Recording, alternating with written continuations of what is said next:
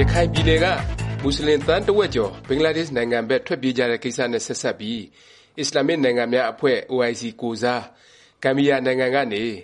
မြန်မာနိုင်ငံအနေနဲ့ ကိုယ်တိုင်လက်မှတ်ရေးထိုးထားတဲ့ Genocide Convention လို့ခေါ်တဲ့ ကုလသမဂ္ဂ လူမျိုးတုန်းသတ်ဖြတ်မှုကို တားဆီးရေးနှင့် အရေးယူ အပြစ်ပေးရေးဆိုင်ရာ ကွန်ဗင်းရှင်းကို လိုက်နာမှု မရှိဘူး ဆိုတဲ့ စွတ်စွဲချက်နဲ့ ကုလသမဂ္ဂရဲ့ အပြည်ပြည်ဆိုင်ရာ တရားရုံး ICJ မှာ တရားစွဲဆိုထားပါတယ်။ ဒီတရားစွဲဆိုမှုဟာလူပုဂ္ဂိုလ်တစ်ဦးတစ်ယောက်တစ်စုတစ်ဖွဲ့ကိုစွဲဆိုတာမျိုးမဟုတ်ပဲနိုင်ငံကိုစွဲဆိုထားတာဖြစ်လေတော့မြန်မာနိုင်ငံကိုယ်စားနိုင်ငံတော်ဇ။်အတိုင်ပင်ခံဒေါ်အောင်ဆန်းစုကြည်ကိုယ်တိုင်ဦးဆောင်ပြီး ICJ တရားရုံးမှာသွားရောက်ရင်ဆိုင်မယ်လို့သတင်းထုတ်ပြန်ထားပါတယ်။အခုဆိုရင်ဒေါ်အောင်ဆန်းစုကြည်ကိုယ်တိုင်သွားရောက်ဖြေရှင်းမယ့်ကိစ္စ၊သူ့ဘက်ကရပ်တည်နေပါတယ်၊သူ့ကိုထောက်ခံနေပါတယ်ဆိုပြီးမြို့နယ်တစ်ချို့မှာထောက်ခံပွဲတွေပြုလုပ်နေကြပါပြီ။အလားတူအဲလို ICJ မှာတရားစွဲဆိုထားရတဲ့ကိစ္စကို တစ်နိုင်ငံလုံးဆိုင်ရာအပစ်ရပ်စာချုပ် NCA လက်မှတ်ရေးထိုးထားတဲ့ တိုင်းရင်းသားလက်နက်ကိုင် အဖွဲ့တွေကလည်း ဆွေးနွေးကြပါတယ်။ဒါဟာ နိုင်ငံ့အရေး၊ပြည်ထောင်စုအရေး ဖြစ်တာကြောင့် သူတို့အနေနဲ့ မြန်မာအစိုးရကနေ ICJ တရားရုံးမှာ သွားပြီး ဖြေရှင်းမယ့် ကိစ္စကို တတ်နိုင်သလောက် ကူညီမယ်လို့ သဘောထား ထုတ်ပြန်ပါတယ်။ဒီအထဲ ထူးခြားတာ တစ်ခုကတော့ ကိုးကန့်၊တအဲာန်းပလောင်နဲ့ ရခိုင် AA လက်နက်ကိုင်သုံးဖွဲ့ ပြီးခဲ့တဲ့ အောက်တိုဘာ ၂၈ ရက်နေ့က ပူးပေါင်း ထုတ်ပြန်တဲ့ ကြေငြာချက်ပါပဲ။ အဲဒီကြေငြာချက်ထဲမှာတော့လက်ရှိနိုင်ငံတကာမှာမြန်မာ့တပ်မတော်အပေါ်တရားစွဲထားတဲ့ကိစ္စတွေနဲ့ပတ်သက်ပြီးသူတို့အဖွဲ့တွေအနေနဲ့လုံး၀ထောက်ခံတယ်၊အဲဒီကတရားစွဲသူတွေကိုလည်းအထောက်အထားအချက်အလက်တွေပေးပြီးပူးပေါင်းဆောင်ရွက်သွားဖို့အမြဲတမ်းအဆင်သင့်ဖြစ်နေတဲ့အကြောင်းထုတ်ပြန်ကြေငြာထားတာတွေ့ရပါတယ်။လက်နက်ကိုင်သုံးဖွဲ့ရဲ့ထုတ်ပြန်ကြေငြာချက်မှာဘာတွေပါသလဲ၊ဒါဟာအမျှော်အမြင်ရှိတဲ့ကြေငြာချက်ဖြစ်ပါရဲ့လားဆိုတာဆွေးနွေးတင်ပြသွားပါ့မယ်။ လက်နက်ကိုင်သုံးဖွဲ့ရဲ့ ကြေငြာချက် ပထမအပိုဒ်မှာ နိုင်ငံတကာမှာ တရားစွဲခံရတဲ့ ဖြစ်စဉ်သုံးခုကို တန်းစီ ဖော်ပြထားပေမယ့် တစ်မှုချင်းစီကိုတော့ သီးခြား ဖော်ပြထားတာ မတွေ့ရပါဘူး။တကယ်တော့ ကြေငြာချက်ထဲမှာ ဖော်ပြထားတဲ့ အရေးယူမှုသုံးခုဟာ တစ်ခုနဲ့ တစ်ခု သဘောသဘာဝခြင်း မတူညီပါဘူး။ ICC နိုင်ငံတကာ ရာဇဝတ်ခုံရုံးကိစ္စကတော့ ရခိုင်ပြည်နယ်မြောက်ပိုင်းက ပြသနာတွေမှာ မြန်မာ့တပ်မတော်က ရာဇဝတ်မှု ကျူးလွန်တာမျိုး ရှိမရှိ စုံစမ်းစစ်ဆေးဖို့ ခွင့်ပြုလိုက်တဲ့ အခြေအနေပါ။ International Jurisdiction နိုင်ငံတကာ တရားစီရင်ပိုင်ခွင့်မူအရ အာဂျင်တီးနားနိုင်ငံမှာ အမှုဖွင့်ထားတာက ရိုဟင်ဂျာအရေး လှုပ်ရှားသူတွေကနေ မြန်မာနိုင်ငံ သမ္မတတွေ ဖြစ်ခဲ့ကြတဲ့ သမ္မတဟောင်း ဦးသိန်းစိန်၊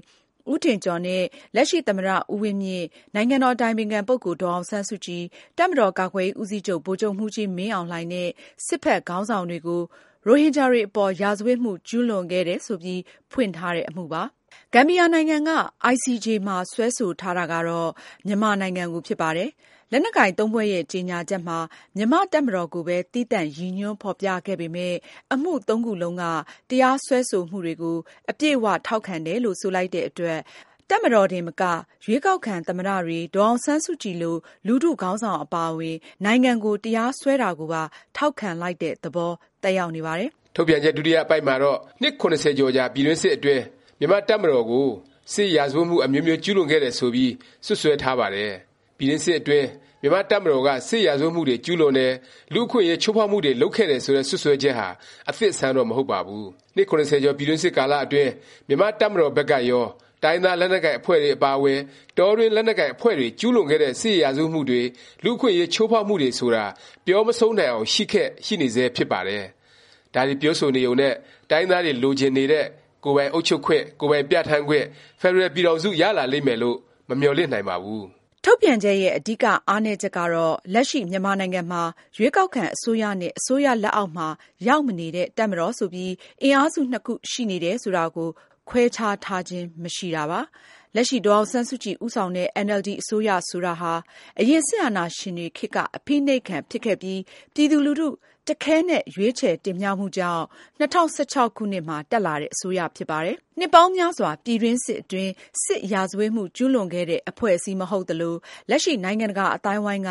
ကြီးမားတဲ့ ဖိအားကြီးပေးနေတဲ့ ရခိုင်ပြည်နယ်ကမူဆလင်တွေ ထွက်ပြေးရတဲ့ ပြသနာကို ဖန်တီးသူ၊စတင်သူ၊ပြုလုပ်သူလည်း မဟုတ်ခဲ့ပါဘူး။ အဲဒါနဲ့ ခြားနားပြီး ပြည်တွင်းစစ် ရပ်စဲအောင် ကြိုးစားနေသူ၊ရခိုင်ပြည်နယ်က ပြသနာပြေလည်အောင် လုပ်နေသူ၊ငြိမ်းချမ်းရေးရအောင်၊ဖက်ဒရယ်ပြည်ထောင်စု တည်ဆောက်နိုင်အောင် ကြိုးစားနေသူတွေသာ ဖြစ်ပါတယ်။အဲလို အစိုးရမျိုးကို မြန်မာ့တပ်မတော်နဲ့ တစ်တန်းတည်းထားပြီး စစ်ရာဇဝတ်မှုတွေအတွက် တာဝန်ခံခိုင်းတာမျိုးဟာ မှန်ကန်တဲ့ သဘောထားလို့ မဆိုနိုင်ပါဘူး။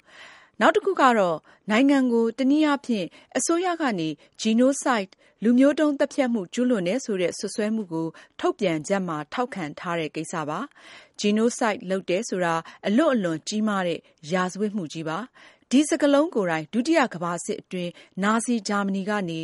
ဂျူးလူမျိုး၆သန်းကျော်ကို သတ်ဖြတ်ပြီး ကျူးလွန်ခဲ့တဲ့ ရက်စက်တဲ့ ရာဇဝတ်မှုကြီးကနေ ပေါ်ပေါက်လာတာပါ။မြန်မာ့တပ်မတော်ဟာ စစ်ရာဇဝတ်မှု အပါအဝင် ရာဇဝတ်မှုတွေ မကျူးလွန်ပါဘူးလို့ ဘယ်သူကမှ မျက်စေ့မှိတ် ငြင်းနေတာမျိုး မရှိပါဘူး။ဒါပေမယ့် အဲဒါတွေဟာ Genocide အဆင့် မဟုတ်ပါဘူး၊တနည်းအားဖြင့် လက်ရှိ အစိုးရဟာ တပ်မတော်က